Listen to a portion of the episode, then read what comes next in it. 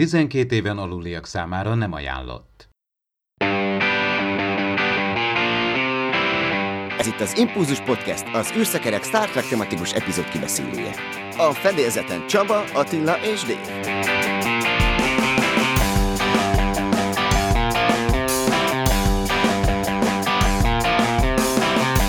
Szervusztok, kedves hallgatók! Ez a 125. adásunk. Eljött az idő, hogy a Spock agya című epizódról beszélgessünk. Forró téma, a mai napig indulatban tartja a rajongó tábort. És Attila és Dév, akikkel meg fogom beszélni ezt az epizódot, szintén itt vannak. Sziasztok, srácok! Sziasztok! Sziasztok! De előtte érdekes hírek jöttek. Egy TNG videó egy rajongók által összeállított kis gyűjtemény látott napvilágot, amiben a some kind of, some sort of kezdetű mondatok vannak összegyűjtve. Ez talán úgy fordítható, hogy valamilyen egyfajta, vagy valamiféle.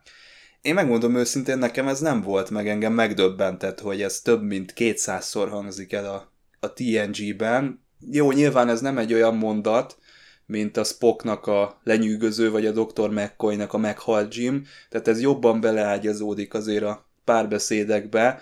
Nekem angolul se tűnt egyébként föl, pedig nemrég néztem végig Blu-ray-en a TNG-t. Többször mondják ezt, mint a hány epizód létezik, és az is megdöbbentő egyébként, hogy frissítették azóta ezt a dolgot, és a Voyagerből is megjelent egy ugyanilyen videó, ott meg több mint 300-szor hangzik el az ilyen kezdetű mondat. Nekem ez, ez egy új élmény volt, de Dave, mintha neked ez így meg lett volna, te tisztában vagy ennek a, ennek a létezésével, ennek a jelenségnek. Azt már elmondtam itt a, a podcastben szerintem még nagyon-nagyon régen, talán két éve, talán már majdnem három éve, mert lassan már három évesek leszünk ősszel.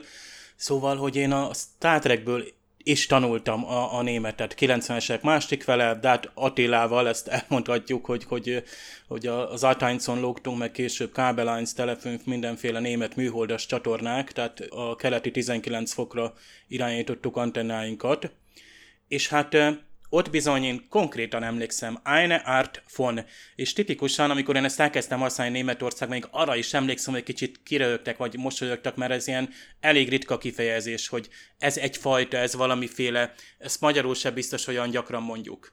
Ugye a Star Trekben nem csak a, a Star Trek terminológia néha életidegen, vagy a mai élettől idegen, hanem néha azért azok a használt kifejezések, mert például ahogy a Déta beszél, egy kicsit körülményesen, és ezt is például sokszor a Déta mondja. Számomra ez azt jelenti, akár németül, angolul vagy magyarul, hogy mindig valami újat fedezünk fel, és már egy korábbi tapasztalathoz hasonlítjuk. Ez egy fajta energia, ez egy fajta idegen lény, aki olyan, mint ami még ezen a két videón döbbenetes, én a TNG-set, hát 6 perces, de kb. 3 percnél már leállítottam, utána mondjuk folytattam, de kellett egy kis szünet, mert, mert borzasztó sokszor mondják ki mindig más szereplő egyébként, és ugye vissza-visszatér egyébként szinte minden szereplő mondja. Tehát nehogy azt higgyétek, hogy ezt csak a tudományos tisztek mondják valami jelenségre. Néha teljesen egyszerű dolgot mondanak ki, néha valami bonyolult dolgokhoz kapcsolják, hogy mihez hasonlítják azt az új jelenséget, lényt, bármit, amivel találkoznak. A TNG-s videó a remastered kiadásból van összevágva, elájúsz olyan szép a minőség. Tehát azt, azt egyszerűen, főleg itt a Voyager-rel összehasonlítva, már pedig itt a Voyager-be is ki vannak vágva ezek a uh, some kind of uh, mondatok, hát ott az a szegény Voyager a VHS minőségével is tényleg nagyon szeretem a Voyager, tehát a TNG-nek a remastered kiadása azt leesel a székről, az mintha egy mai sorozat lenne előtted.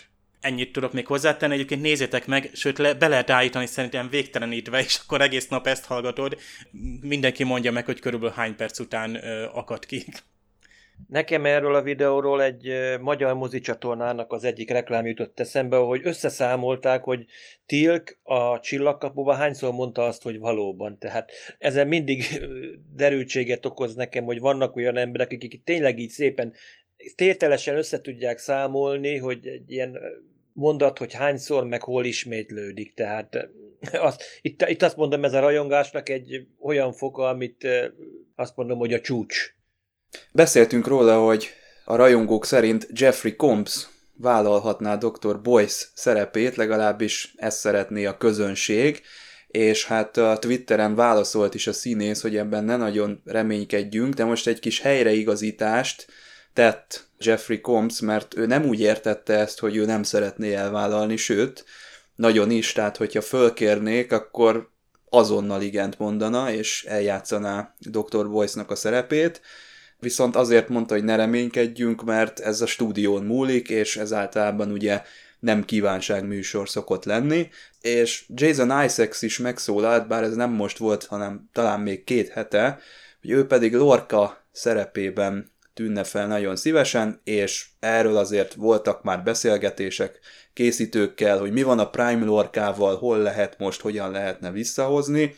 Én egyébként az Isaacs-et nagyon bírom, Lorca teli találat volt, még amikor nem mentünk át a tüköruniverzumba, viszont én azt mondanám, hogy hagyjuk már egy kicsit kibontakozni a Michael Burnham-et, tehát ha ő a Discovery-nek a főszereplője, akkor adjunk neki teret, mert szerintem egy kicsit elhomályosította az ő karakterívét az első évadban Lorca, a második évadban pedig a Pike kapitány, mindkettőnek nagyon örültünk, még egyszer mondom, hogy tök jó volt, de én, én azért kíváncsi lennék, hogy mit lehet még a Burnhamből kihozni, és ne úgy zárjuk szerintem ezt a Discovery témát, hogy hát az csak a vendégszereplő kapitányok miatt maradt élvezhető és emlékezetes, hanem én szeretném, hogyha a Burnhamből összeállna valami, valami értelmezhető karakter.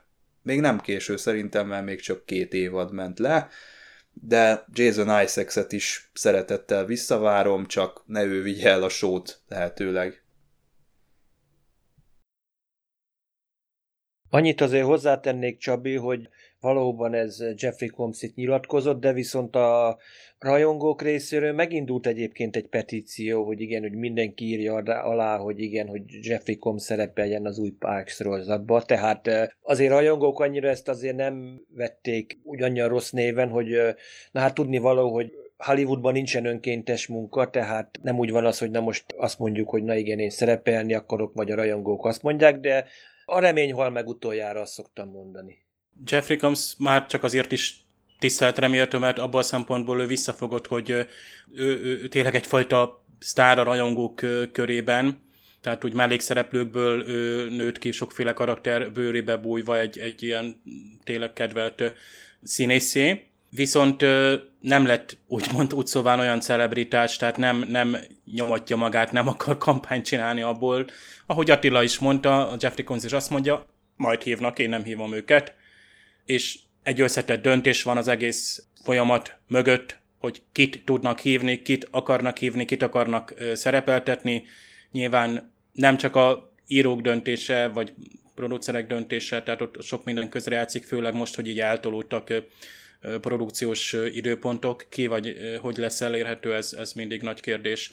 Ugye ellentétben Rosaria Dawsonnal, aki egy picit viszont reklámozta, hogy hát ő nagyon szívesen belépne ugye a Q kontinuumba, olyan féleképpen, hogy, hogy mint női Q karakter megjelenne akár a, a, a Picardban majdan, vagy pedig a, a, akár a, a Discovery-ben. Ugye erről is beszéltünk már Hát isaacs kapcsolatban valami olyasmi van bennem, mint Csabában, hogy nagyon bírom, a színészt is, a karakter is jó volt. Avval szempontból nem volt jó, hogy megoldották, hogy miért volt olyan, amilyen. Úgymond a Discovery első vagy másik fel nekem ott nem a kedvencem. A Prime Lorkát ugye viszont nem fedeztük fel, tehát ő vele bármi, bár, ővel bármi lehet, tehát egy teljesen új karakter lehet, de a ismerve ugye a Mirror Lorkának az erősségeit, akit ugye a Jason Isaacs nagyszerűen eljátszott. Kérdés, hogy a Prime Lorca mit tud majd úgy szólván mutatni neki, fölmutatni neki. Persze ott lesz még esetleg egy, egy Cornwell admirál is, de Jane Brookot szívesen viszont látnánk, tehát vannak itt izgalmas mellékkarakterek, és totál egyetértek Csabával, hogy a nagyon erősen felhozott, nem főszereplőnek szánt mellékkarakterek és színészek nyomták egy picit a félre bőrnemet, aki gyakorlatilag a felszín fölött kapálózott, és azt éreztük úgy, hogy az meg picit sok vagy nem jó helyen. Tehát itt a, a karakternek az intonációja egy picit el, elveszett abban a kavalkádban, amit itt a, a Discovery nyújtott. Meglátjuk a harmadik évadban, én szerintem ez, ez talán el fogják majd kerülni. Na hát felgyülem lettek azért itt a különböző sorozatok, itt az elmúlt hetekben. Én rögtön hármat ajánlanék, és Dave, hogyha jól tudom, akkor te ilyen dokumentum szériákat tudsz majd mondani, és úgy látom, hogy minden egyes sorozat, amit itt majd bemutatunk röviden, így vagy úgy, de magyarul elérhetők, vagy magyar szinkronnal, vagy felirattal különböző streaming szolgáltatókon, illetve televízióban lehet ezeket majd megtalálni, de majd Dave esetleg kiegészített, hogyha nem így lenne. Na az én három sorozatom közül az egyik a Space Force, én ezt végignéztem, kritikusok utálják, a közönség az úgy veszem észre, hogy így el van vele, valaki nem szereti, valakinek kifejezetten bejön, és egy csomó olyan véleményt is olvastam, hogy nagyon jó. Tehát valakinek ez nagyon tetszik. Én azt mondanám, hogy ez a sorozat ez úgy működik, hogy minden előzetes elvárást le kell tekerni. Itt nagyon sokan valami ilyen szuper szatirikus, nagyon politizáló, nagyon up-to-date valamit vártak, de én úgy veszem észre, hogy ez a sorozat nem akar, vagy nem tud ilyen lenni, és nem itt vannak a hangsúlyok, tehát fölösleges ilyet várni tőle. Bevallom, én is prekoncepcióval indultam, egyébként azt hittem, hogy ez olyan lesz, hogy ez egy ilyen office az űrben, de nem olyan. Van benne egyébként ilyen kínos humor, de nem ez határozza meg, és nem, szerintem nem ez a fő csapás irány. Sokszor elmegy ilyen családi dráma irányba a sorozat, nagyon sokszor kitör benne az idétlenség. Itt ugye megint kérdés az, hogy kinek mennyire jön be a humor. Egyébként többféle humor van benne, nekem olyan 60-70 százalékban ezek működtek, ezek a vicces jelenetek. Itt is lehet egyébként, hogy ez majd megválogatja a közönségét, hogy ki az, akinek ez bejön. Viszont ebben megvoltak azok a hullámvölgyek, ahol rá tudtam pihenni esetlegesen a kínosabb jelenetekre is. Az Avenue 5 című sorozattal állítanám szembe, ami, ami végig nagyon tolta a vicceket, azt is végignéztem, de ott az nagyon fárasztó volt nekem, mert nem voltak benne meg azok a hullámvölgyek, ahol én ki tudtam volna pihenni ezt a sok fárasztó humort. Nem, nem volt az jó olyan szempontból, hogy mindig rátett egy lapáttal magára. Az első részben még tök jó volt, hogy kitört valami hatalmas nagy őrület, aztán a második részben rákontráztak, aztán a harmadik részben meg még valami hatalmas nagy dolog jött, és így mindig emelték a tétet, és ez így nekem kipukkadt az Avenue 5 esetén. A Space Force az ebbe a hibába nem esik bele, szerintem ez sokkal kiegyenlítettebb és egységesebb élményt ad. Annyit azért elárulok, hogy cliffhanger a vége, ami nekem azért nem jó, mert másfél-két év múlva majd, mikor jön a második évad, semmire nem fogok emlékezni ebből az alapszituációból, ami, ami ott abba maradt, utána kell majd néznem, hogy akkor most ki kicsoda, ki kivel volt, mi történt. Ez jobban tetszett volna, ha így lekerekítik, vagy lett volna egy kvázi nyugvópont. A másik sorozatról szintén volt más szó az impulzusban, ez pedig a Devs. Ezt én most sikerült végignéznem, Szélesi Sanyi ajánlotta még, talán amikor a Picard sorozatot befejeztük, vele beszélgettünk, és ő mondott róla pár szót. Ez egy kemény dió, de én azt mondom, hogy aki belenéz, és az első pár másodpercet túléli, az úgy rá fog tudni hangolódni. Ezt azért mondom, mert nagyon furcsa a stílusa, nagyon különös ez a világ, amit bemutat. A zene annyira eltér a konvencióktól, a képi világ, rögtön ilyen kicsit Twin Peaks-es, nagyon elvont, nagyon abstrakt, de viszont nagyon jó a történet. Itt ugye van egy tech cég, aki nagyon messzire megy, nagyon eltolja a biciklit, és egy rejtély áll a háttérben, hogy vajon mit találtak ki.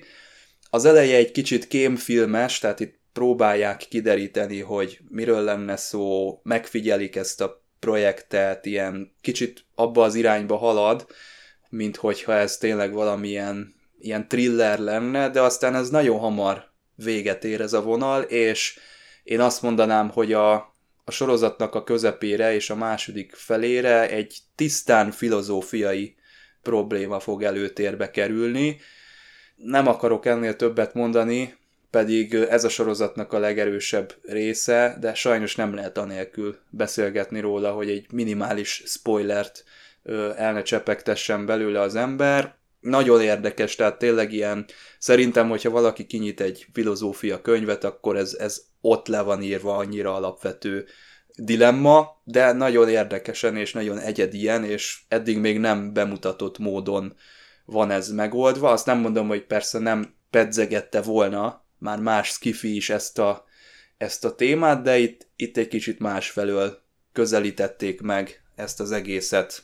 A harmadik sorozat az pedig az elképesztő történetek, ez az Apple TV Plus-on tekinthető meg. Itt ugye Steven Spielberg van a háttérben, mint egyik producer, a másik pedig Edward Kicic és Adam Horowitz, őket már több sorozatból is lehet ismerni, az Egyszer volt, hol nem volt című sorozatot, aki nézte, vagy a Lostot, ott is találkozhatott a nevükkel, tehát ők sem ma kezdték a showbizniszt, tehát ez egy antológia, mindegyikben egy kis furcsa történet van, valami kis skifi, vagy időutazás, vagy valami egyéb misztikus dolog. Eddig úgy láttam, hogy öt epizódja van, nem tudom, hogy ez így hetente jön-e, vagy ez ennyi ez az évad, vagy az egész sorozat. Most kezdtem el, csak az első részt láttam, viszont szerintem nézni fogom, kicsit olyasmi, mint a Twilight Zone, vagy a Végtelen Határok.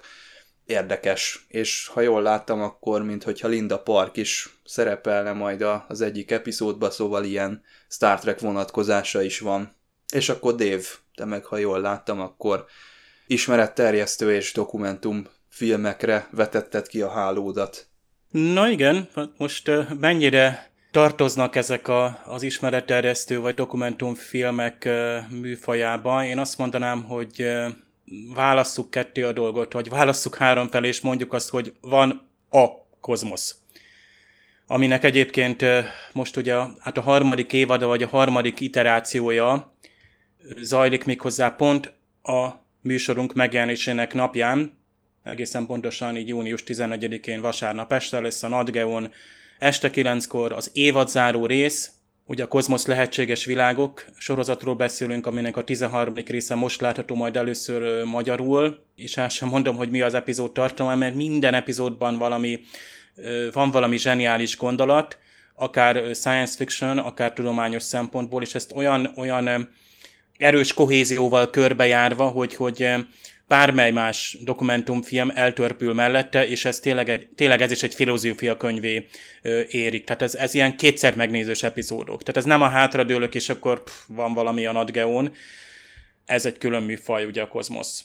Nem egyszerre megnézős az évad, az biztos. Tehát ez szép lassan emésztődik, szép lassan ö, kibeszélős ö, ö, sorozat, és egy komoly műfajteremtő, én azt mondom, amit annak idején Szegen és, és Andrán, aki most is részt vesz nagyon aktívan a, a, a létrehozásában. No de hogy a könnyedebb és nagyon is könnyedebb dokumentum műfaj, és majd, hogy nem én az áldokút mondanám már szinte, de nem azért nem teljesen, de ha azt mondom, hogy a History Channel-en látható, külföldön és Magyarországon, és akkor már is azért itt a, a különböző, hát az ott látható dokumentum sorozatok egy része azért abban a műfajba tartozik, amelyik jó szórakozás és a különböző összeesküvés elméletek, UFO akták és, és ősi idegenek és hasonló típusúakba sorolható bele. Mind a kettő, amit hát ajánlanék, itt szóval inkább azt mondom, hogy említem őket, mind a kettő látható magyarul is, mind a kettő így 2018-19-től indult.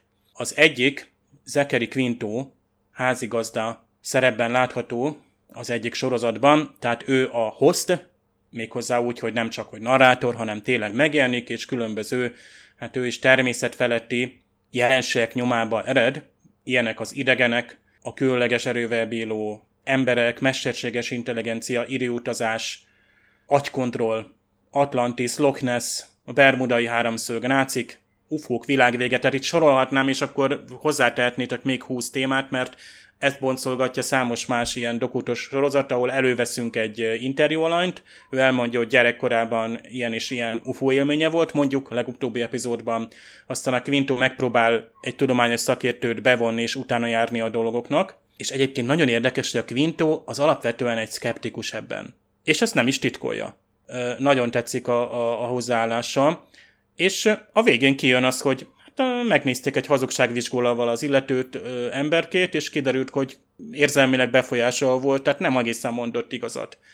hogy ő, ő gyerekkorában a kertjében megjelent egy UFO, és így tovább, vagy próbálja ezt az elrablás élményt, ami egyfajta transportálásra hasonlít, vagy a SETI teleszkóp SETI kutatásnak járt egy picit utána itt az idegenek kapcsán, és így keveredik az, hogy a SETI az egy komoly dolog, az nem egy ilyen UFO üldözés, az ugye a Planetary Society kezdeményezése is többek között Rodember is támogatta a kezdeményezést, vagy például Robert Picardo is aktívan benne van, tehát az egy, egy komoly tudományos kezdeményezés arra, hogy, hogy, hogy erőfeszítést tegyünk arra, hogy értelmezzük azt a rengeteg, azt az adathalmazt vagy jelhalmazt, ami felénk irányul. Tehát úgymond az a komolyabb vonulata például a Kontakt című filmben van benne. Ennyit az Akari Quintóról. A sorozat címe In Search Of, vagy azt hiszem rejtélyek nyomában, nem is tudom mi a pontos, igen, rejtélyek nyomában, Spektrum TV-ben van most premierként, így minden szombat, vasárnap, hétvégén este 8-kor. 45 perc minden epizód. A nagyon hasonló hozzá, egy másik nagy öregje az ilyen hát paranormális dokusorozatoknak William Shatner, aki amellett, hogy nagyon szeret föltűnni különböző dokumentumsorosztokban, tehát ő filozofikusan egy ilyen titokzatos szobákban gyertyafény mellett és különböző szintén misztikus jelenségek nyomába eredni. Ez már volt egy másik sorozatban, amelyiknek az volt a címe Verdor Vet, vagy Paranormális. Ez a Discovery-n volt látható, de most az elképesztő rejtélyekkel, The Unexplained-del látható, aminek a második évada az most volt odakint is, nemrég adásban, és most itt a magyar historin is látható és hát itt különös építmények, teremtmények, vagy bizarr rituálék, vagy éppenséggel az emberi elmének a határterületeinek a nyomában jár.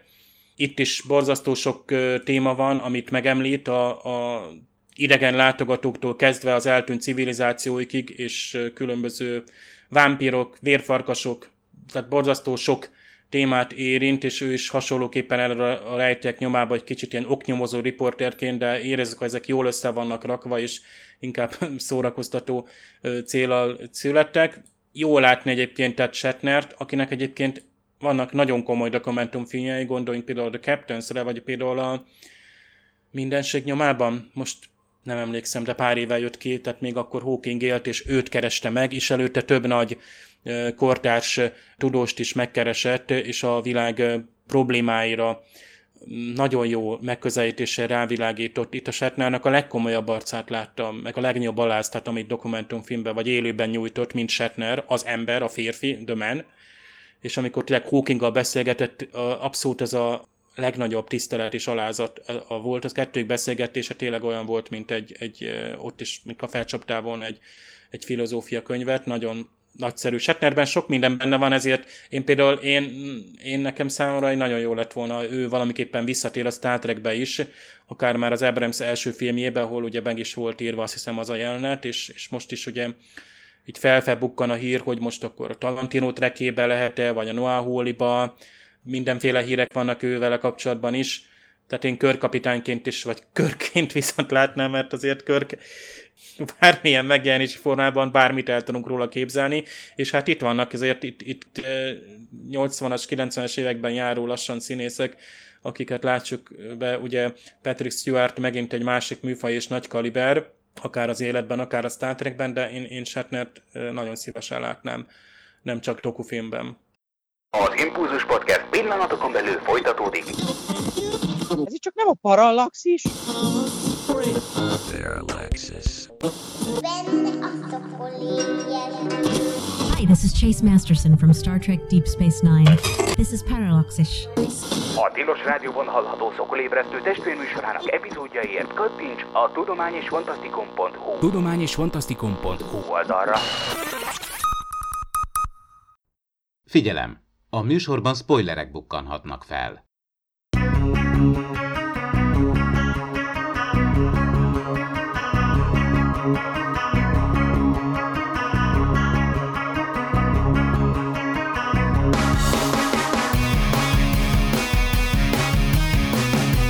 Több mint 40 másodpercig láthatjuk szó nélkül nézni az Enterprise hídján a főszereplőket, amikor megérkezik egy ismeretlen hajó. Természetesen most már a kibeszélő blogban vagyunk, továbbra is Dév és Attila lesznek a beszélgető társaim. Megvan nektek az a jelenség, amikor egy sorozatnak egy új évada jön, és megváltoznak a hajak. Hát itt Scottinak a haj koronáján én sohasem tudtam túltenni magamat. Ez valami olyan változás volt, ami örökre bennem maradt, és értetlenül álltam azelőtt, hogy mi történt a James Duhennek a, a hajával és hát ez a harmadik évad a legnagyobb változások időszaka az eredeti sorozatban. Ezt egyből láthatjuk a főcímen is, hiszen a betűknek megváltozott a színe, érezzük az egész atmoszférán, hogy valami más. Hát a háttérben tényleg átalakultak egy kicsit a viszonyok, ugyanis Gene Roddenberry hátralépett és eltávolodott a produkciótól, valószínűleg a TV csatornával való nézeteltérése miatt lehetett ez, ugyanis a Star Trek-et áttették egy olyan lehetetlen műsorsávba, ahol a fiatalok már nem tudták megnézni. Hát gondoljatok bele azért ez a akkori időkben nem mehetett olyan egyszerűen a helyzet, hogy megnézzük az interneten, hogyha a tévében éppen nem kaptuk el, hogyha késő éjszaka kezdődött, akkor azt a fiatalok egyszerűen nem tudták megnézni, és kész. Márpedig a Star Treknek a fő néző bázisa az a fiatalokból állt akkoriban még. Milyen furcsa egyébként, hogy most már, ugye, hát ki kell mondanunk, hogy előregedett a Star Treknek a nézőbázisa, és ma a fiatalitással van probléma, de kivéreztették a produkciót ezzel a műsorsávba helyezéssel, és ha ez nem lenne elég, akkor még egy csomó költséget meg is vontak. Az amúgy is szűkös keret az most egy elviselhetetlen körülményé változott, tehát a, a Star Trek ebben a formában ténylegesen halára lett ítélve. Hát a Spock agya című rész az már ennek a veszőfutásnak az egyik első jele, bár nem tudjuk, hogy hogyan sikerült ez, hiszen ugye a forgatókönyvet maga Gene L. Kuhn írta, bár ezt a stáblistában nem látjuk, mert ő Lee Cronin álnéven jelenik meg, Egyébként nem feltétlenül azért, mert nem vállalta a nevével ezt az egészet, hanem egyszerűen Gene Kuhn ugye már a második évadnál távozott, és egy másik stúdióhoz ment dolgozni, tehát valószínűleg jogi akadályokba ütközött, hogy ténylegesen az ő nevével jelenhessen meg ez az epizód, de azért a Gene Kuhn nem szokott olyan szörnyű dolgokat írni. Jó, a Piece of the Action az nekem például nem annyira tetszett, de nem az a kategória azért, mint a, a Spock agya, és hát a Spock agya az, az egy olyan különleges dolog, ami mind a mai napig bennem nem ülepedett le, és nem került napirendre, nem dolgoztam fel az élményt. Hogy történhetett ez? Micsoda butaság ez, hogy eltűnik a Spocknak az agya, valaki kiműti, ráadásul ilyen precízen, ez tényleg a leghajmeresztőbb ilyen B-filmes. Vágjátok azt a filmet, hogy Crank felpörgetve. Nekem mindig az jut eszembe, amikor ott megmérgezik, és neki adrenalint kell termelni, ez teljesen hasonló. Mindazonáltal valamilyen különös oknál fogva én ezt így szeretem, tehát imádom ennek a, ennek a résznek a hangulatát, és én valahogy elfogadtam azt, hogy ilyen is tud lenni a Star Trek, tehát ebben a stílusban is tud mozogni. Jól szoktam szórakozni, nem szoktam ezen megdöbbenni, Ugye ez megint annak a kérdése, hogy ki mennyire szereti behatárolni a Star Trek-et. Lehet, hogy van olyan ember, aki azt mondja, hogy hát ez sok, hát ez nem lehet, ez borzasztó, ez jobb, hogyha meg se történt volna, ugye úgy, mint a Threshold, azt is a rajongók többsége azt mondja, hogy hát jobb lenne, hogyha nem szerepelne tovább a kánonban, de hát ez egy ilyen epizód. Kíváncsi vagyok egyébként, hogy nektek Attila és Dave, mi a véleményetek erről az egészről?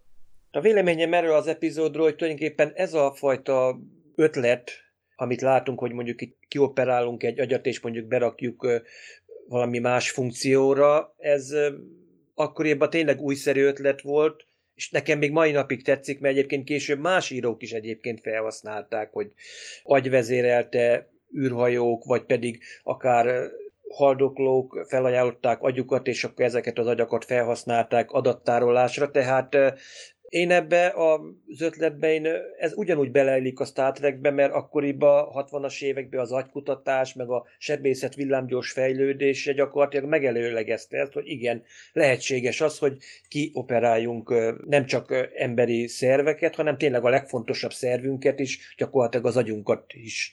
Jó, most jelen esetben egy félig vulkán, félig emberit, de ugyanúgy lehetséges. Én, én ebben nem látok semmi trektelen ötletet. Én szintén nem, és a, picit csodálkozom is, ahogy így, így most beszéljük, meg utána néztem, hogy ez az epizód, ez tényleg ez a, ez a trash, meg a tracknek a legaljára került. Nekem ez ilyen emlékezetes epizód, tehát a, a, nekem ez, sőt, abszolút az, olyan stifis alapgondolat van, tehát hogy egy agy, méghozzá pont egy vulkáni, félvulkáni agy, az képes irányítani egy bolygónak a, vagy itt ennek a telepnek a, a, az összes rendszerét, és hát ezt hányszor feldolgozta, hány és hány sci utána, de csak a trackben maradjunk. Amikor Barkley agya irányítja ugye az Enterprise-t, és veszi át ugye az ennedik hatványon, vagy nem is tudom mi az a TNG epizód még a negyedik évadból. Vagy gondoljunk a Fistful of Data című részre, ahol Jordi és Data elkezdenek kísérletezni azzal, hogy a Data-nak a pozitronikus agyát ilyen vészhelyzeti esetekre, hát arra használják, hogy a hajó rendszerét irányítsa, no de történik egy kis malőr, és akkor a Data által vezérelt, nem is tudom, replikátor már csak macskát ad ki, vagy például Data-nak a szonetjei, a Spothoz címzett versei, azok hangzanak el a ott a, nem is tudom, ami darabnak a próbáján, és a többi. Jó az alapötlet. Nyilván, hogy a megvalósítás abból a szempontból sikamlós, hogy két évad Star Trek után már a nézőnek is egy picit azért hihetetlen, hogy ezt hogy lehetett megoldani, és de hát erre a Körk is rákérdez, hogy hogy, hogy, hogy tudta ezt megoldani, hogy lehet ezt megoldani. De az epizód végén azért ott van, hogy ezt úgy szóval olyan hatalmas tudás, amit meg lehet tanulni, nyilván föl sem tudjuk fogni, de Mekko is egy időre tudta azt virtokolni, és milyen jó lenne, ha még ez a, egy ilyen sebészi, egy ilyen orvosi tudás, vagy például Lás Scottinál is fölmerül, egyébként a frizura engem is biza, iszonyúan zavart, annyira bizarr így a feje. Szóval, hogy a Scottinak egy olyan gépész tudást adni, ami, ami ennyire fejlett. Hát ilyen borzasztó fejlett entitásokkal, adatbázissal már eddig is találkoztunk, meg fogunk találkozni a Star Trekben, és most így dolgozták fel. Nyilván tipikusan TOSZ megvalósítás, viszont nekem így valamiképpen így a kedvencek, vagy az emlékeztes rész, tehát én ezt, nekem ez ilyen megmaradt rész, lehet, hogy annak idején itt gyakrabban végignéztem, meg ez németekhez is csak 88-ba került be, és ott is ilyen tele van ilyen félre szinkronizálásokkal annak ellenére, meg hát kicsi volt már akkor szerintem a, a, a büté. Ami viszont nagyon tetszett, és ezt, ezt emelem ki az epizódból, és bárcsak több ilyen lenne a Star Trekben, mert ezért imádtuk például a TNG-t, ugye a briefing room. De nem a, abban a briefing roomban volt, abban az irodában, hanem a hídon volt, ahol a, a Körk, a Csekov, az Uhura, Csekov, tehát a Csekovot kiszólítják a táblához, kivetítik ugye azt a, azt a naprendszert, és szépen megnézik, és résztesen ott van, hogy melyik bolygó, milyen fejlettségű, melyik fejlettségé fognak felel meg a Földön, és ott létezhetnek olyan lények, akik a Spock agyát elvitték. Ilyet szeretnék látni a Star Trekben, ezért szeretem a Star Treket. Ami tökre igazatok van, tehát a maga az alapötlet, hogy egy vulkáni agy legyen egy egész civilizációnak a vezérlője, az tök jó. Nekem is ez, ez nagyon tetszik.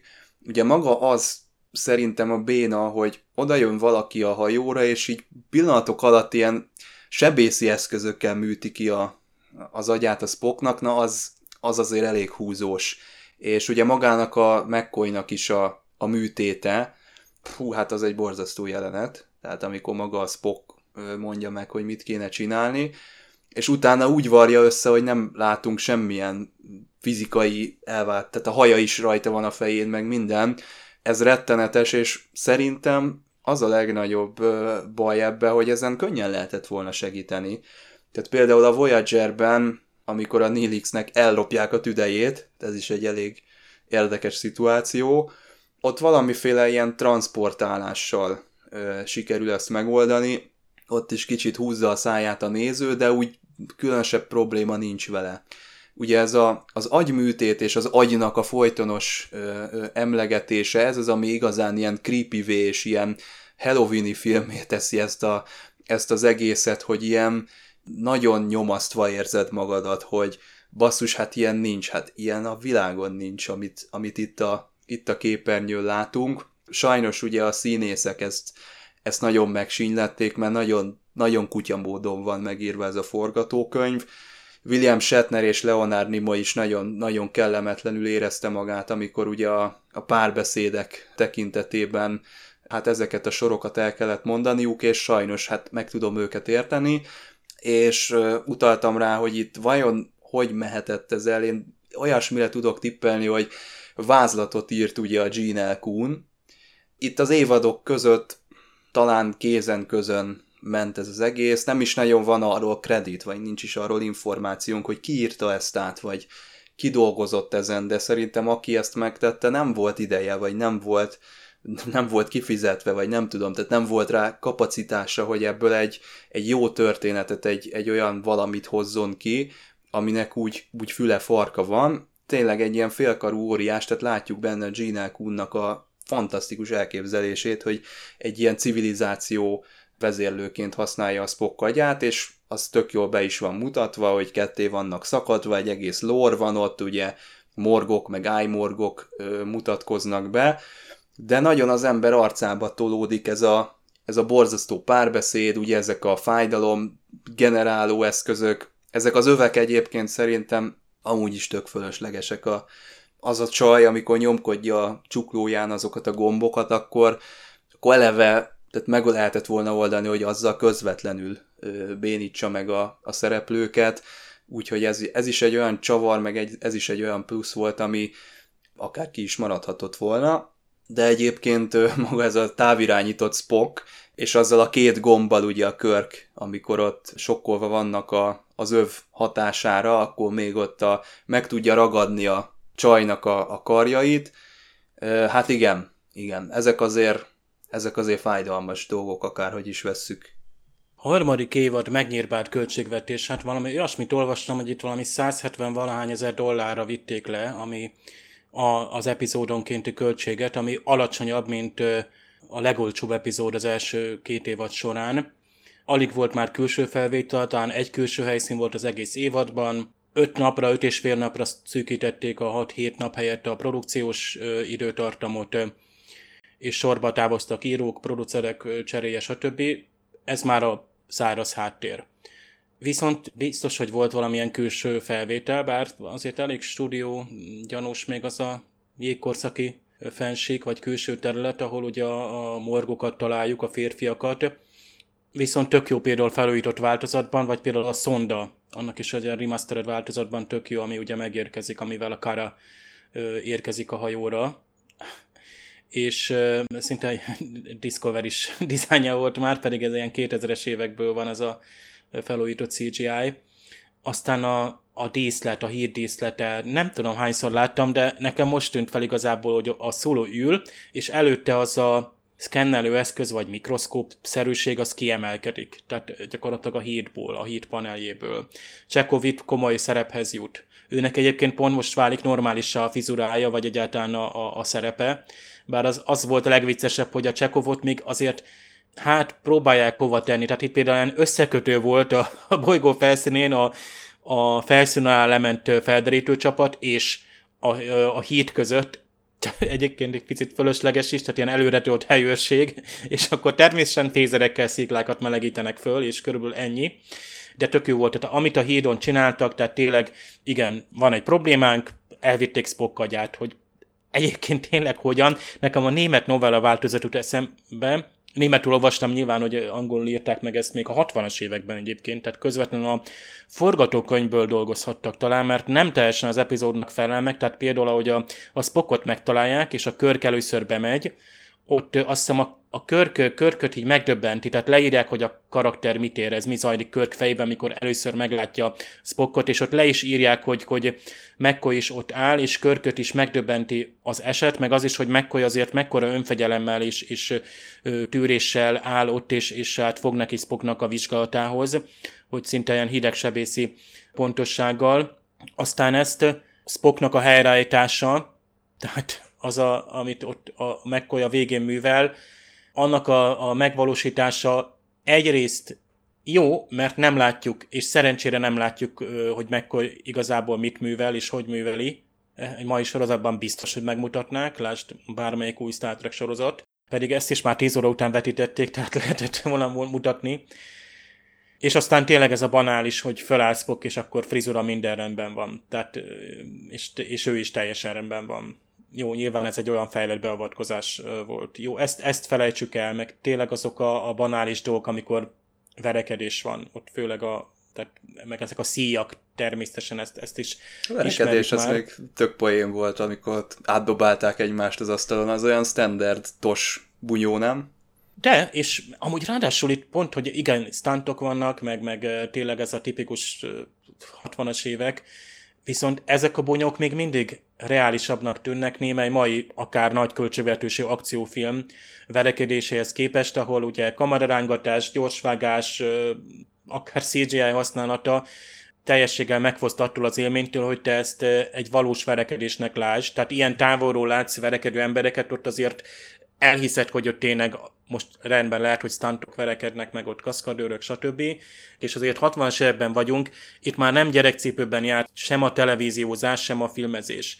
Tehát ha valamit esetleg banálisnak, gagyinak látunk, akár itt az eredeti sorozatban, az nem azért volt, mert ekkor még gyerekcipőben volt akár a, a tévés a felvétel, vagy ekkor már nagy óriási költségvetési mozifilmek készültek.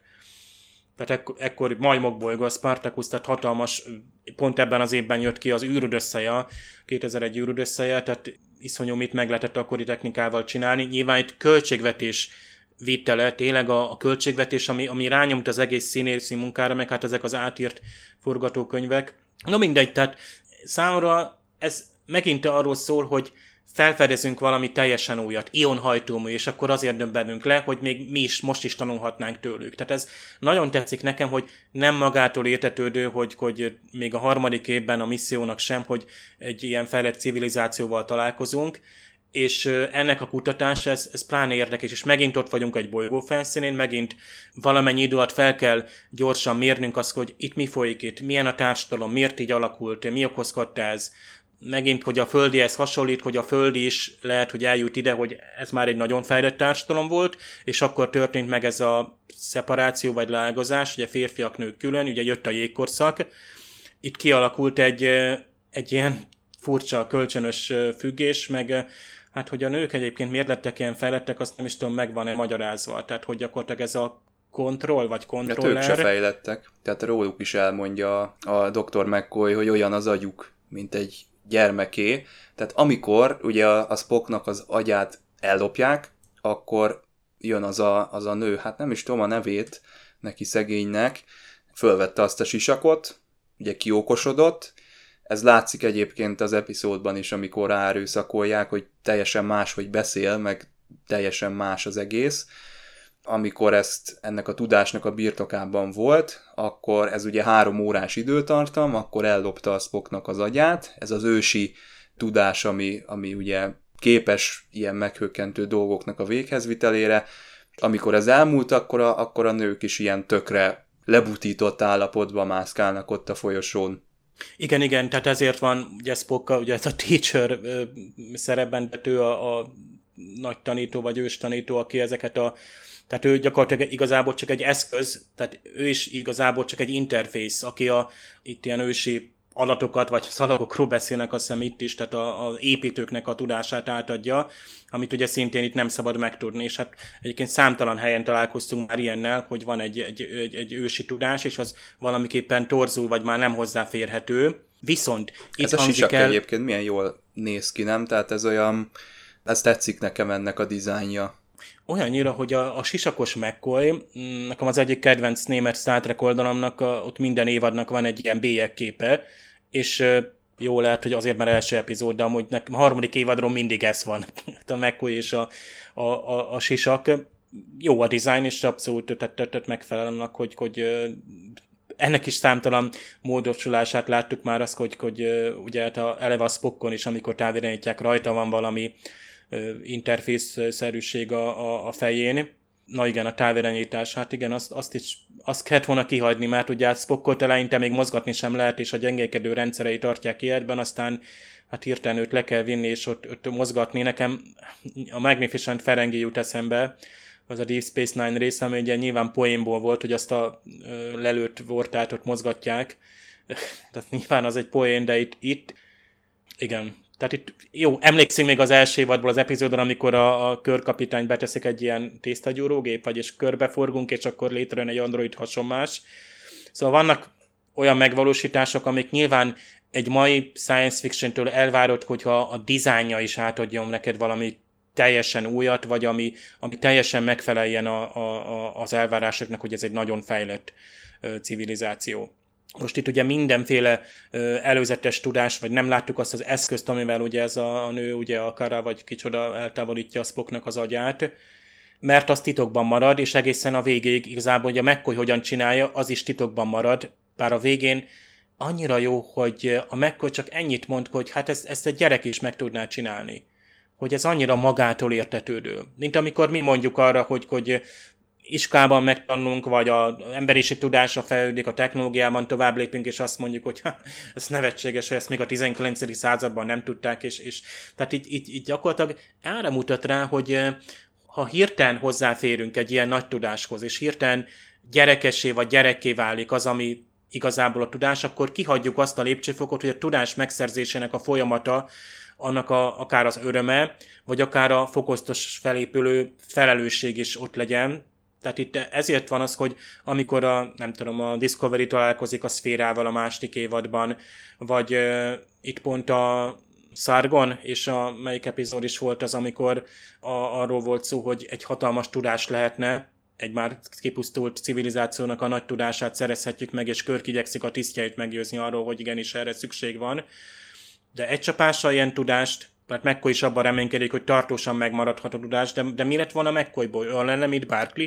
Milyen lett ugye a Barkley abban az epizódban, amikor ő neki végtelenül nagy tudása lett? Azonnal megváltozott a személyisége és a legénységhez való hozzáállása.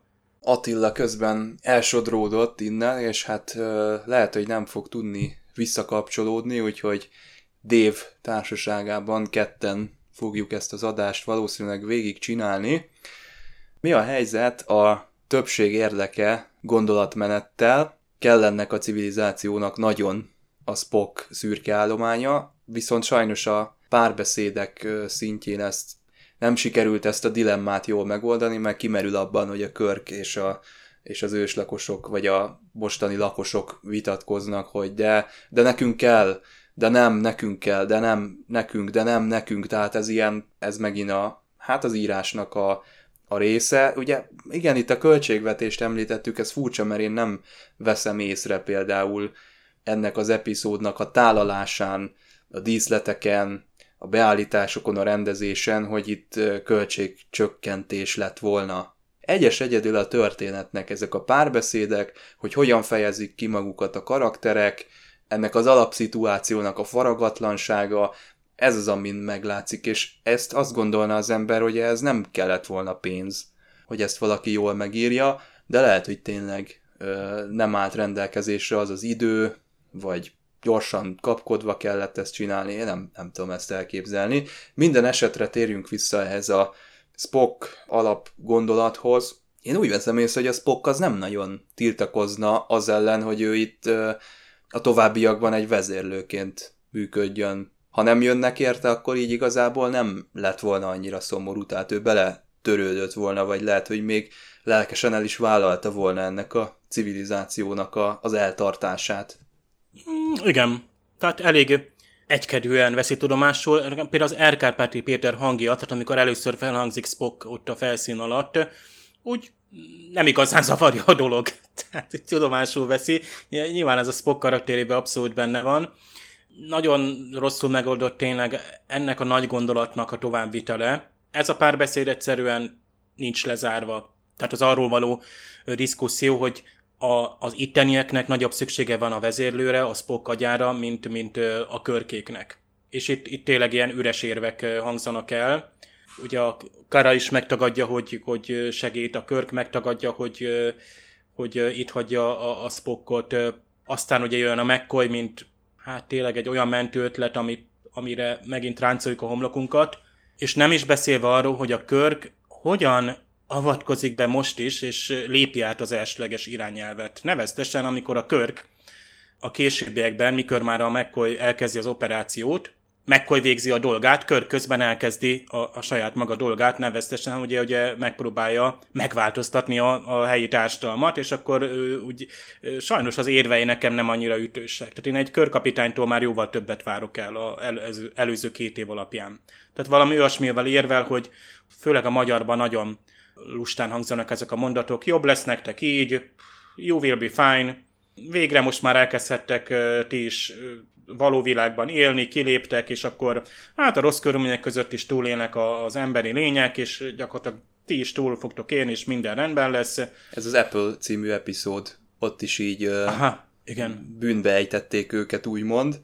Ezt éreztem itt is, igen, hogy, hogy így kicsit magukra hagyták őket, tehát volt egy jól, hát idézőjelben jó, jól működő berendezkedés, most ennek az etikai vonatkozásait nyilván félreteszem egy kicsit, és akkor minden összeomlik, és tényleg azt mondja a körk a végén, hogy jó lesz ez így, tehát majd, majd belejöttök. Mi már itt se vagyunk, sziasztok. Hogy eltelt az idő.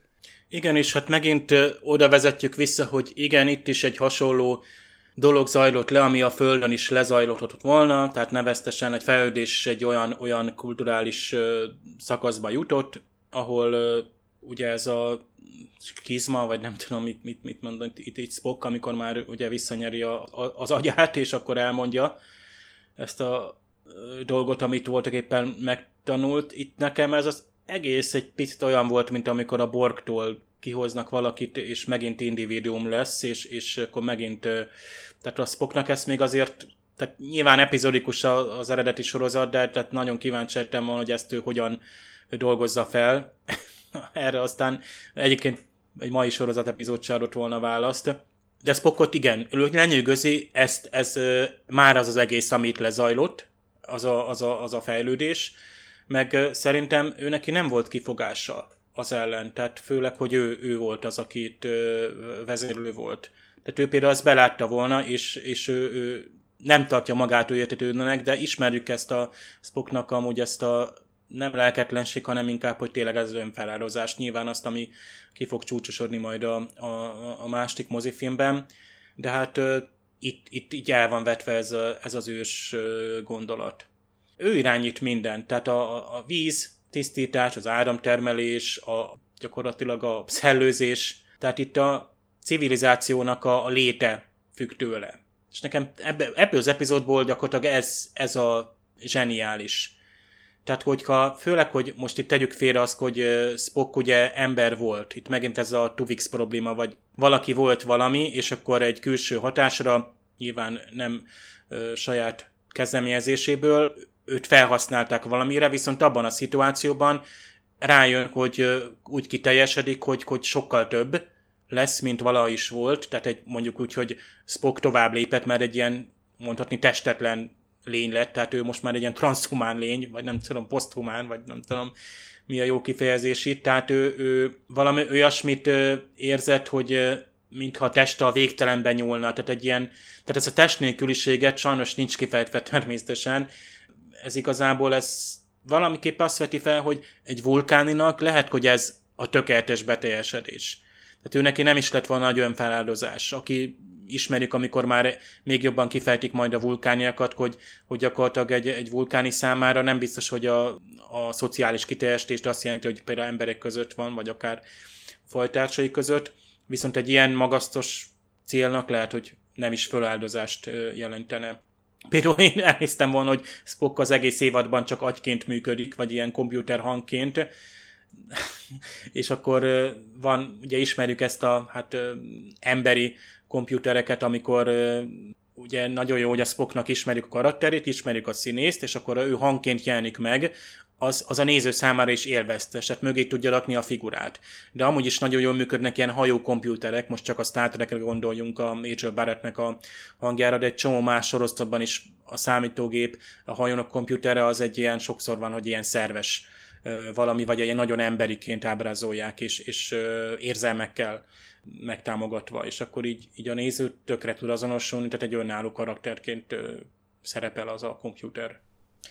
Hát betehették volna egyébként magát a Spockot teljes egészében egy dobozba, és akkor nem lett volna ez a probléma, hogy most akkor a, az agyát azt elviszik, és akkor a testével itt töketlenkedni kell a, az epizód során, valahogy úgy nézhetett volna ki, mint a Barkley a, a TNG-ben, nem? Amit már említettünk, tehát lehet, hogy ez egy egyszerűsítette volna ennek a dolognak a problémáját, de lehet, hogy ez lehet, hogy egy selling point volt ez a Spock agya, hát ez magának az epizódnak is a, a címe, lehet, hogy ez egy új irány, vagy, vagy ezt, ezt így kellett csinálniuk a, a készítőknek, akkor úgy gondolták, hogy ez, ennek így kell lennie. Ugye ez az első olyan eredeti sorozat cím, amiben egy főszereplőnek a neve szerepel, azt hiszem. Kicsit a Miri című rész is eszembe jut, bármilyen furcsa is, egy magára hagyott gyerekekből álló társadalom, csak itt megvan a, az ősöknek a technikai felszerelése, ugye olyan, mintha a gyerekek elvihetnék egy körre a faternek a verdáját, mindenféle büntetés nélkül. Itt ugye ők föl tudják venni ezt a sisakot, és bármikor ki tudnak lépni a kozmoszba, és el tudják lopni valakinek az agyát.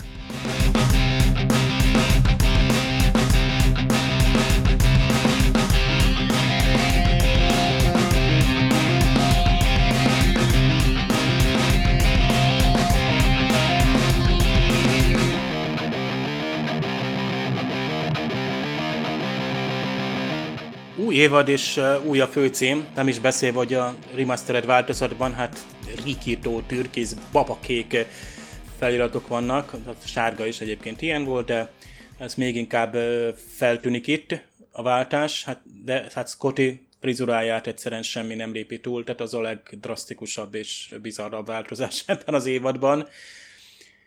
Valamiképpen szokás szerint a, a Sörös Sándor későn kezdi elmondani a főcímben a, a, azt a körkapitányos bevezető mondatot. Én szerintem azért, mert ő nem fülhallgatóval áll még ott a Videovox stúdióban, hanem itt körülbelül akkor, amikor az Enterprise megjelenik, és általában akkor kezdi, és lehet, hogy egy picit eltódott ott az eredeti, lehet, hogy itt új a főcím az eredeti vágásban is.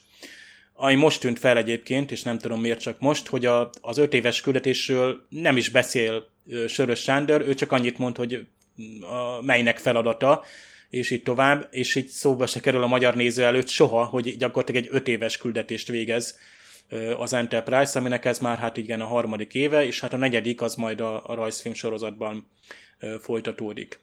És azt nem tudom, hogy a McCoy a főcímben való kreditet azt csak most kapta meg, vagy már esetleg a második évadban. Ennek esetleg lehet, hogy majd utána lehet járni, vagy valaki kommentben megírja nekünk. Még a magyar szinkron előtt a németnek a, az egyik érdekessége, hogy hát ugye itt Chapel nővér visszatér, és ráadásul elég fura, hogy a német szinkronban arról beszél, hogy a Spockot a parancsnoki hídon találta meg. Na de hát ugye ott a gyengélkedőn találták meg, ott, ott feküdt egy ágyon vagy asztalon, tehát ö, már agy nélkül, az agy nélküli Spockról beszélünk, szóval itt a német szinkron azt feltételező, hogy Chapel a hídon volt, és levitte a gyengélkedőre a Spockot. Aztán a McCoy szájába is valami rossz szöveget adnak a németek, 88-ban egyébként, tehát 20 évvel az epizód után, epizód amerikai bemutatója után. A német McCoy azt mondja, hogy csak egy gyerek tudná a Spockot, a Spock agyát eltávolítani, vagy helyreállítani. Tehát itt ugye a gyerekjáték, itt like a child play, valami ilyesmit mond ugye a McCoy az eredetiben, ami csak arra utal, nem az, hogy egy gyerek tudná ezt megcsinálni, hanem hogy ez olyan, mint egy gyereknek a játék, tehát tök könnyű megcsinálni, miután már a tudással fel van vértezve nyilván. A magyar szinkronban James T. Kirk úgy mutatkozik be, hogy I'm Captain James Kirk, This is a Starship Enterprise, tehát James Kirk kapitány vagyok, a hajó neve Enterprise, hát itt végre a Starship is megjelenik, nem tudom mióta a Starship az Enterprise, mert Spaceship volt egy csomó esetben az eredetiben. A Spock agyának az eltávolításáról, hát itt, itt, itt a McCoy-nak a csodálata egyébként, az, hogy the best technical job I've seen, csodálatos munkát végzett a tolvaj. Hát ez, ez egyébként többenetes, hogy a, a McCoy szinte, mint a Spock, ö, szinte azt mondja, hogy lenyűgöző, pedig ugye egy döbbenetes dologról ö, beszélünk. Ugye orvos és hodáról ö, beszél. Amúgy az is elhangzik, hogy Spocknak az agyát, mivel vulkán nem nagyon lehet függetleníteni a testétől, ehhez képest ugye mégiscsak működik a dolog amikor már elkezdik keresni ebben a naprendszerben, tehát Körk az Szulónak kiadja, hogy hát ezt az ionnyomot keresse, az ionhajtóműnek a nyomát, és ugye azt a parancsot adja eredetileg, hogy All Scanners Extreme Sweep, ami egy jó kis szó arra, hogy itt söpörjenek, tehát pásztázzanak körbe, és hát mit keressenek, ugye értelmes lényeket, szépen live, és akkor itt jönnek a bolygó besorolások, amiknél azért vannak eltérések itt a magyar meg az angol változatban. Például azt mondja az egyik, ott talán a hármas bolygónál, hogy ott a B fejlettségbe tartozik, ipari fejlettségi szintre, amelyikre ugye eredetiben, hogy a, a Földnek mondjuk 1485-ben felel meg, kör csak annyit mond a magyarban, hogy a középkor végén állt a Föld, ilyen technikai fejlettségen. Aztán Csekov a négyes bolygót már G besorolásúba teszi, Körk az eredetiben 2030-ra vonatkozik, míg a magyarban a késői atomkorra. Egyébként megfelel, mert hát nagyjából hogy a harmadik világháború, az nem is tudom mikor lesz majd, tehát itt arról a korszakról van szó, amiben a negyedik, negyedik bolygó felel meg, és a hatodik az meg ugye az a, az a primitívebb, az a jégkorszakban lévő bolygó. És megint Uhura van az, aki egyébként többször így felhívja a figyelmet olyan dolgokra, amikre hát vagy, mintha a híd személyzet nem látna, vagy inkább arról lehet szó, hogy az Uhura, csak úgy, mint a Csekov, itt kezd előtérbe kerülni a forgatókönyv szerint is. Például ő beszél az energiakitörésről a hatodik bolygón, aminek hatására gyanús lesz, és mégis oda mennek le. Illetve ő az, aki meg akarja, megkérdezi azt, hogy what use is it? Egyáltalán mi a fenének kell? Mit akarnak kezdeni Spock, Spock agyával az ottani lények? És akkor körkere rámondja, hogy jó, tényleg, hát akkor azt is meg kell tudnunk, hogy miért vitték el. Bolygó felszínén nagyon szépek a távoli képek, de hideg van. És éppen ezért ugye a suit temperatures Ugye itt Fahrenheitbe 72-re állítják, tehát Körk azért a magyarban csak annyit mond, hogy kapcsolják be a fűtőszálakat. Itt ehhez ne tegyünk hozzá semmit, eredeti sorozat, nyilván, hogy nem hoznak ide egy olyan egyenruhát, csak a harmadik évadra, ahova hideg bolygókra mehetünk le, de még a rajzfilm sorozatban sincsen például szkafander, hanem ott is egy ilyen erőtérszerűség van a, a szereplőknek az alakja körül, mert ott is spóroltak. Még a rajzolás és bonyolultabb lett volna, ha szkafendereket kell rajzolni, ezért csak ilyen aura vagy erőtér van a szereplők mögött, vagy körül. Pedig a Cage-ben volt valami leszálló egyenruha, ami, ami úgy melegebbnek is tűnt egyébként, de hát lehet, hogy azok a kellékek már nem voltak kéznél. Vagy visszavitték a méhészetbe őket.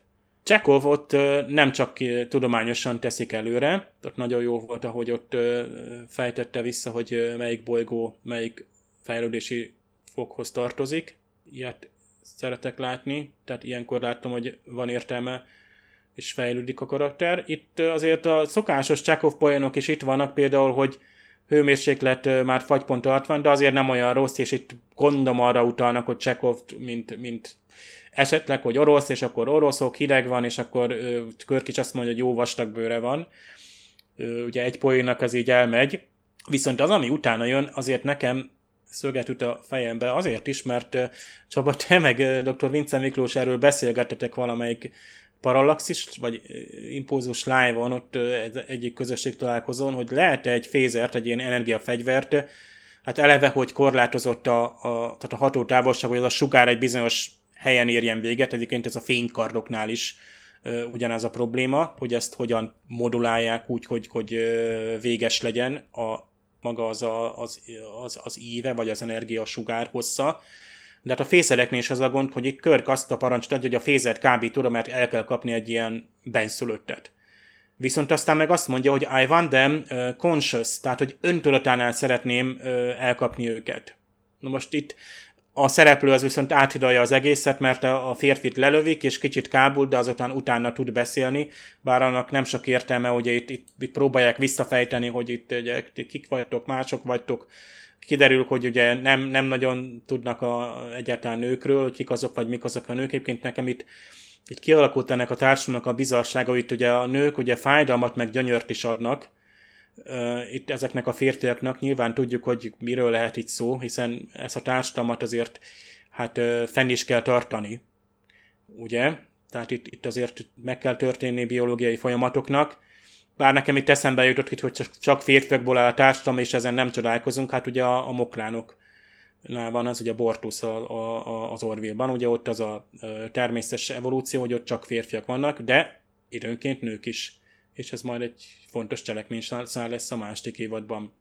Aztán még, hogy óriási, magas férfiak, erről nekem a navik jutottak eszembe a, a, a, az avatarból.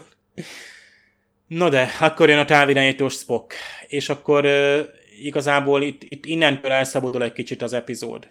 De szinkron szempontból maximum annyit lehet említeni még, hogy Scott itt uh, kezdi az energia forrást felderíteni, és itt egy, egy ilyen 500 mérföld átmérőjű atommágiához vagy ionerőműhöz hasonlítja azt, amit észlelnek, de valójában itt igazából 100 miles-ról van szó, csak szó. Aztán amikor az a szikla felnyílik, az, az a szikla ajtó, és mögötte van a, a, a nő, aztán tökre ilyen Darth Vader légzése volt, ilyen nem tudom miért, lehet, hogy én nem vették, aztán Lukaszéknak, vagy Industrial Magicnek a hangmérnökei is. Megint egy ilyen logikai bukfenc, hogy ez a Eymorg, tehát ez a nő, itt, amikor itt ő elkezd mondani, tehát hogy gyerekesen viselkedik, ugye, tehát a, a felderítő csapattal szemben, és a McCoy megerősíti, hogy igen, igazat mond, mert a műszer jelezné, ha hazudna. Tehát már megint itt van egy mindenható kütyű a kezünkben, ami ugye a hazugságot jelzi. Hát akkor ez gyakorlatilag az összes többi Star Trek sorozatban egy csomó cselekményt azonnal lezárna. Nem hiába ezt a funkciót nem hiszem, hogy tovább használták. Control controller szó elhangzik, tehát így nevezik a, a Spockot, és hát így elég lassan rakjuk össze, de tök jó, hogy nem rögtön látjuk ugye Spockot, hogy ő irányít, vagy a Spocknak az agyát. Ez, ez teljesen jó, mert szépen fokoztosan jön rá, és velünk a néző, nézőkörkel együtt, hogy először is úgy utalnak erre a bizonyos, a magyarban nyilván, hogy nem, jövünk erre rá, de az eredetiben azt mondja, hogy a control vagy controller ez egy férfi, ez egy hímnemű valaki. I would like to meet him. We surf him. És akkor rakódik össze, hogy a, brain, tehát az, a Spock hagyja a controller még a Spocknak, ami az agyával történt, az ugye remove meg restore, tehát eltávolítás, illetve helyreállítás. Tehát ugye ez a helyreállítás az, ami ugye az operáció, visszaoperálás folyamat, amit a doki ugye aztán fölvértezve ez a tudással elvégez. Körknek az érvelése, amit már itt említettünk, hogy you will develop as should, as you should have. All of this shouldn't have been done for you. Tehát ezek, ezek annyira nem tudom, semmit mondó, tehát ez a, ez a magyarázat, tehát eleve Körknek a tapasztalata alapján, tehát miért, miért az Enterprise zászlós hajó, miért körkék találkoznak mindig ilyen, ilyen fejlett civilizációkkal, hát pont azt, ő neki már van ehhez valamilyen előzménye, és uh, itt, itt, szerintem itt sokkal jobban, itt is az epizód végére lesz annyira, tehát megint rossz a megoldás, és ezt másik évben is láttuk egy-két epizódnál, hogy vannak tök jó dolgok benne, aztán vagy a végén egy-két rossz párbeszéddel itt, itt érezzük, hogy nem, nem jó a, a, az egész epizód. A, a vége poén, hát természetesen poénnal záródik az epizód, a, ugye, hogy ugye micsoda szörnyű nagy hiba volt Spockot újraéleszteni, mert pontosabban helyreállítani az agyát, mert Spock aztán elkezd beszélni szokás szerint, mint a, a vízfolyás, és akkor hát azt meg, hogy annyit mondott, should, I should have never reconnected his mouth. Nem kellett volna visszakötnem a beszéd központját. Spock nyilván másodpercek alatt fölépült, és most már lehet ugye a, a szokásos vége főcím előtti poénokkal élni.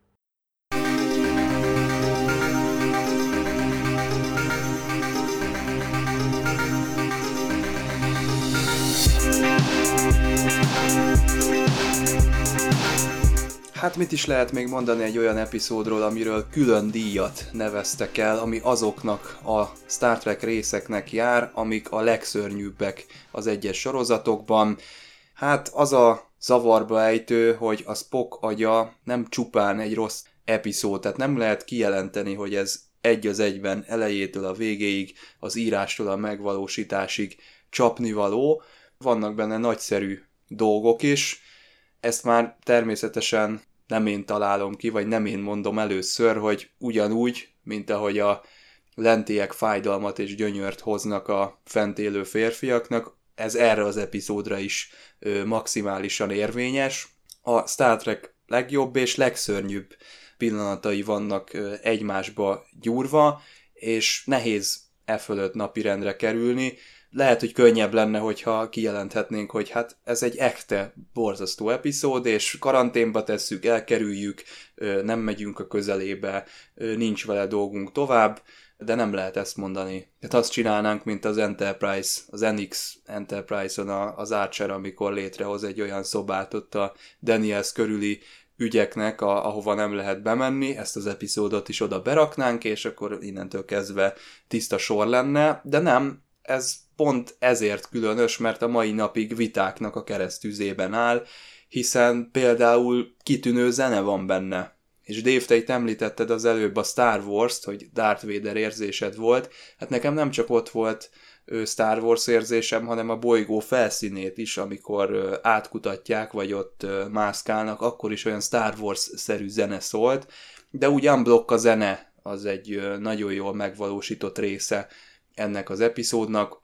Ahogy mondtam, a díszletekkel sincsen baj, a vizuális tálalás sem problémás. Itt ugye azokat a jeleneteket kell túlélni, amik tipikusan az eredeti sorozatnak a legrosszabb oldalát mutatják. Már korábban is említettük azt a gipszbábú körköt, illetve ugye az arénának mondjuk a legrosszabb jeleneteit. Hát ide sorolható a távirányítós Spock, illetve az agyműtét a, a végén.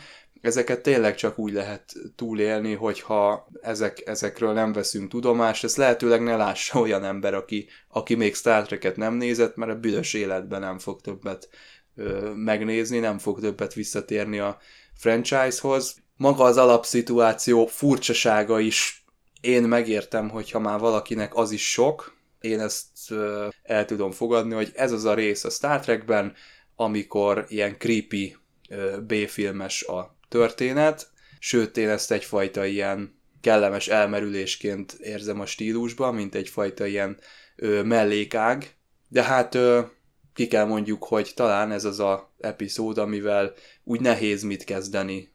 Az arénát azt könnyebben be tudjuk tenni abba a bizonyos dobozba, amiről az előbb beszéltem, hogy bár ott is ugye, amikor tartottuk a kibeszélőt, azért ki tudtunk belőle emelni jó részeket, és láttuk a, az ötletnek a magiát, meg annak a csíráját, hogy itt az író elgondolkodott, és valamit azért mondani is akart. A megvalósítás az sokszor félre tud csúszni, Hát, hogyha valaki, nem tudom, Halloweenra keres egy borzongató élményt, akkor a, a Spock agya az kitűnő lehet ilyen alkalomra. Innen már csak egy fekete macska hiányzik, de hát az volt a, az évadzáró részben. Érdekes, hogy ez került évadnyitónak. Ez, a, ez az epizód, ez, ez ugye mindig szokták nézni, főleg manapság már, amikor nagyon figyelik a, a producerek a kvótákat hogy egy, ugye egy rosszul teljesítő epizód után hogyan lehet visszanyerni a közönséget, ha egyáltalán. És itt ugye egyszeri vetítésekről beszélünk még, nem tudom, hogy egyáltalán ott akkor voltak ilyen, hogy heti ismétlés, ha valaki lemaradt péntek este tízkor, és amiatt ugye elég rossz volt a nézettség, hát az a hétfő esti fél nyolc az tényleg jó lett volna, és akkor lehetett volna mondani, hogy ilyen családi jellegű sorozat megmarad a, a Star Trek, de hát így is a Star Trek az bár inkább az ismétlések, tehát későbbi években, amikor tényleg elkezdték ismételni és sokat játszani, és akkor vált egy ilyen kultikus sorozattá, vagy egy ilyen alapsorozattá, hogy nincs olyan, aki ne azzal nőtt fel valamilyen szempontból. Tehát, hogy mindenki látta, mindenkinek megvan a maga véleménye, tehát ez a Night Rider, Magnum, Dallas, szomszédok, tehát oké, okay, mindenki tudja, hogy miről van szó ha azt mondom. De hogy mennyire volt éppen a, tehát olyan sokáig, itt három évadról beszélünk, és hogy itt, itt tényleg beszélünk ezzel szemben itt több évtizedes más sorozatokról is, aminek megvannak a mélypontjai, mint ahogy minden más sorozatnak is.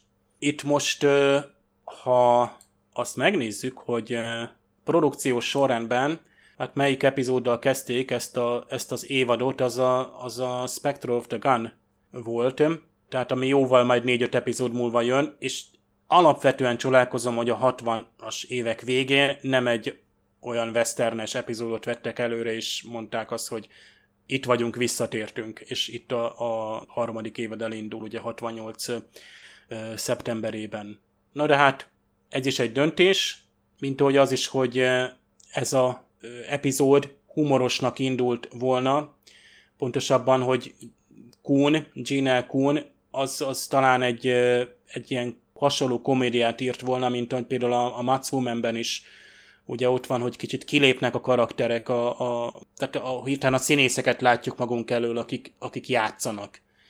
Tehát ha ezt komédiaként fogjuk fel, vagy megint azzal a humorfaktorral operálunk, amit az eredet sorozatban megszoktunk, lásd például az epizód végi poénok, ahol ugye azok úgymond a helyén vannak, mert akkor szoktuk meg őket.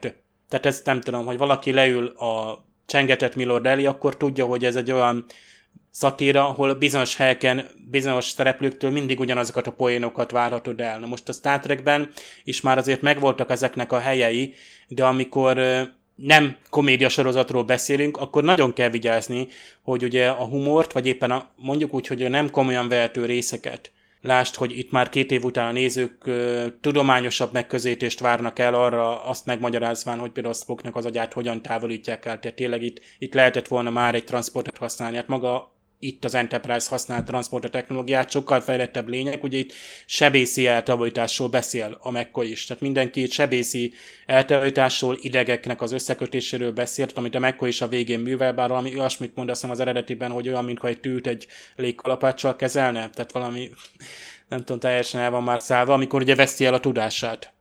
Barom jó jelenete, hogy a Scotty asszisztál gyakorlatilag, és ő igazából ott nézi, hogy mit csinál a McCoy míg ugye Körk ugye csak úgy lazán ott beszélget a Kárával, és, és tehát itt a, úgy szóván mondhatnám, hogy a, a Spock McCoy epizód, vagy a Spock McCoy párosnak egy olyan nem első, de abszolút nem utolsó mm, fénypontjáról van szó, és azért fénypont, mert hát a McCoy ugye itt föláldozná magát, tehát vállalja ezt a kockázatos használatát ennek a, a teachernek, ugye ennek a nem tudom, interfésznek, vagy most miről beszélünk itt ezzel a, sisakkal, ez, ez emblematikus, az McCoy és a sisak, és ezzel, hogy megmentse a barátját.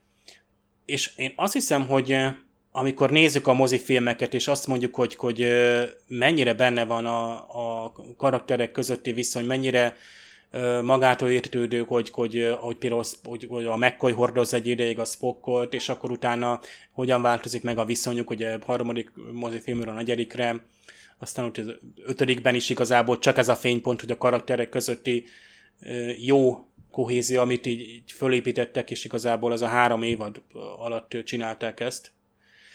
Szóval én azt mondom, hogy ebből a szempontból jó az epizód, karakterépítésnek, tehát Spock tovább lép egyet, és vulkániként ezt olyan rendűnek tartja, ami akár kívánatos és kellemes is számára, hogy egy egész társadalomnak a, a boldogulását vagy életét biztosítsa. McCoy föláldozza magát, Körk szokásos módon próbál akár ököllel, akár pedig beszéddel, de megint nem éppen, tehát nem jellemző, hogy kölkre írták a legjobb, legjobb érveléseket. Korábban sem, de, de most pláne érzem, hogy ez, ez kicsit hézagos volt, és amúgy is nem, nem, nem, nem éreztük ennek a döntésnek a súlyát, hogy már megint beavatkoztunk egy társadalomba, és, és hogy egyáltalán persze majd mi lesz itt, hát nyilván itt megyünk tovább, és gyakorlatilag egy lezáratlan. Tehát, tehát itt a, a naivitásnak az eltűnése, ezzel, ezen lehetett volna egyébként elindítani egy olyan vonalat, hogy még az ember is ilyen naív állapotban van,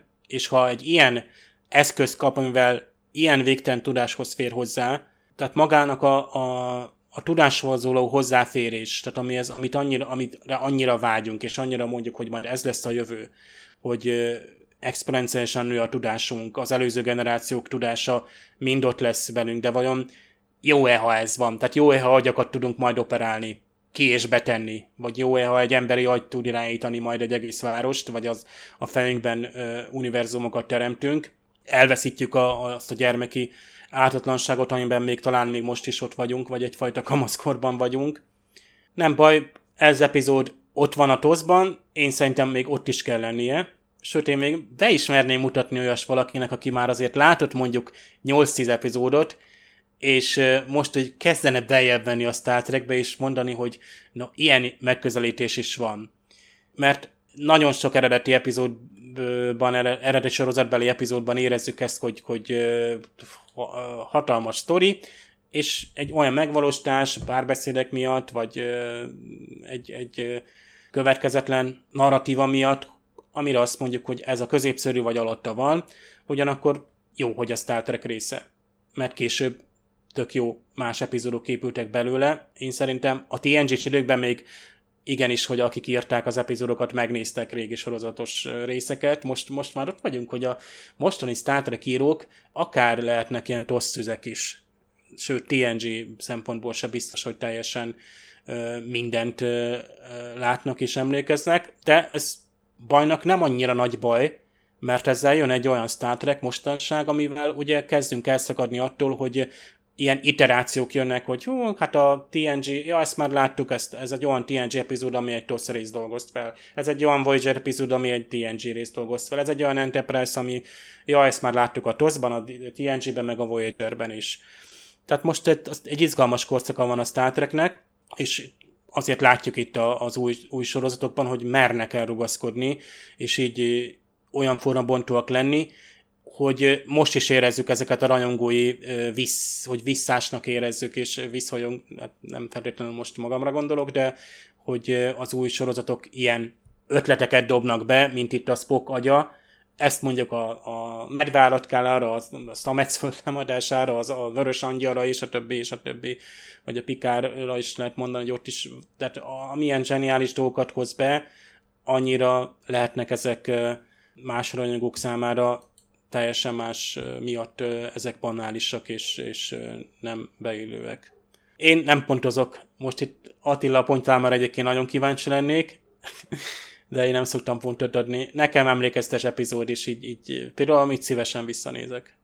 Most, hogy mondtad a új Star Trek sorozatokat, én nagyon el tudnék képzelni egy ilyesmit, karikatúra jellegűen a short tracks-ben. Tehát, hogy egy olyan short tracks-et csinálni, ami már arra épít, hogy így kiforduljon önmagából, és tényleg egy ilyen creepy B-filmes legyen. Hát azért a Trouble with Edward, a triplis epizód mm, eléggé elrugaszkodott, és ott eléggé feszegette a határokat, úgyhogy szerintem egy ilyen is beleférne. Ugye itt más kérdés, hogy az alkotók milyen szándékkal csinálják meg a, a, az adott epizódokat. Itt lehet, hogy az a baja mindenkinek, hogy itt ezt teljesen komolyan gondolták, míg hogyha egy short tracks-ben mutatnák ezt be 15 percben, akkor lehet, hogy könnyebben napirendre térne mindenki, hogy jó, hát az írók kiengedték a gőzt, és van egy ilyenünk is.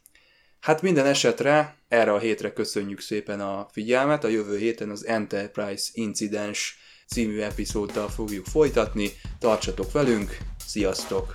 Sziasztok!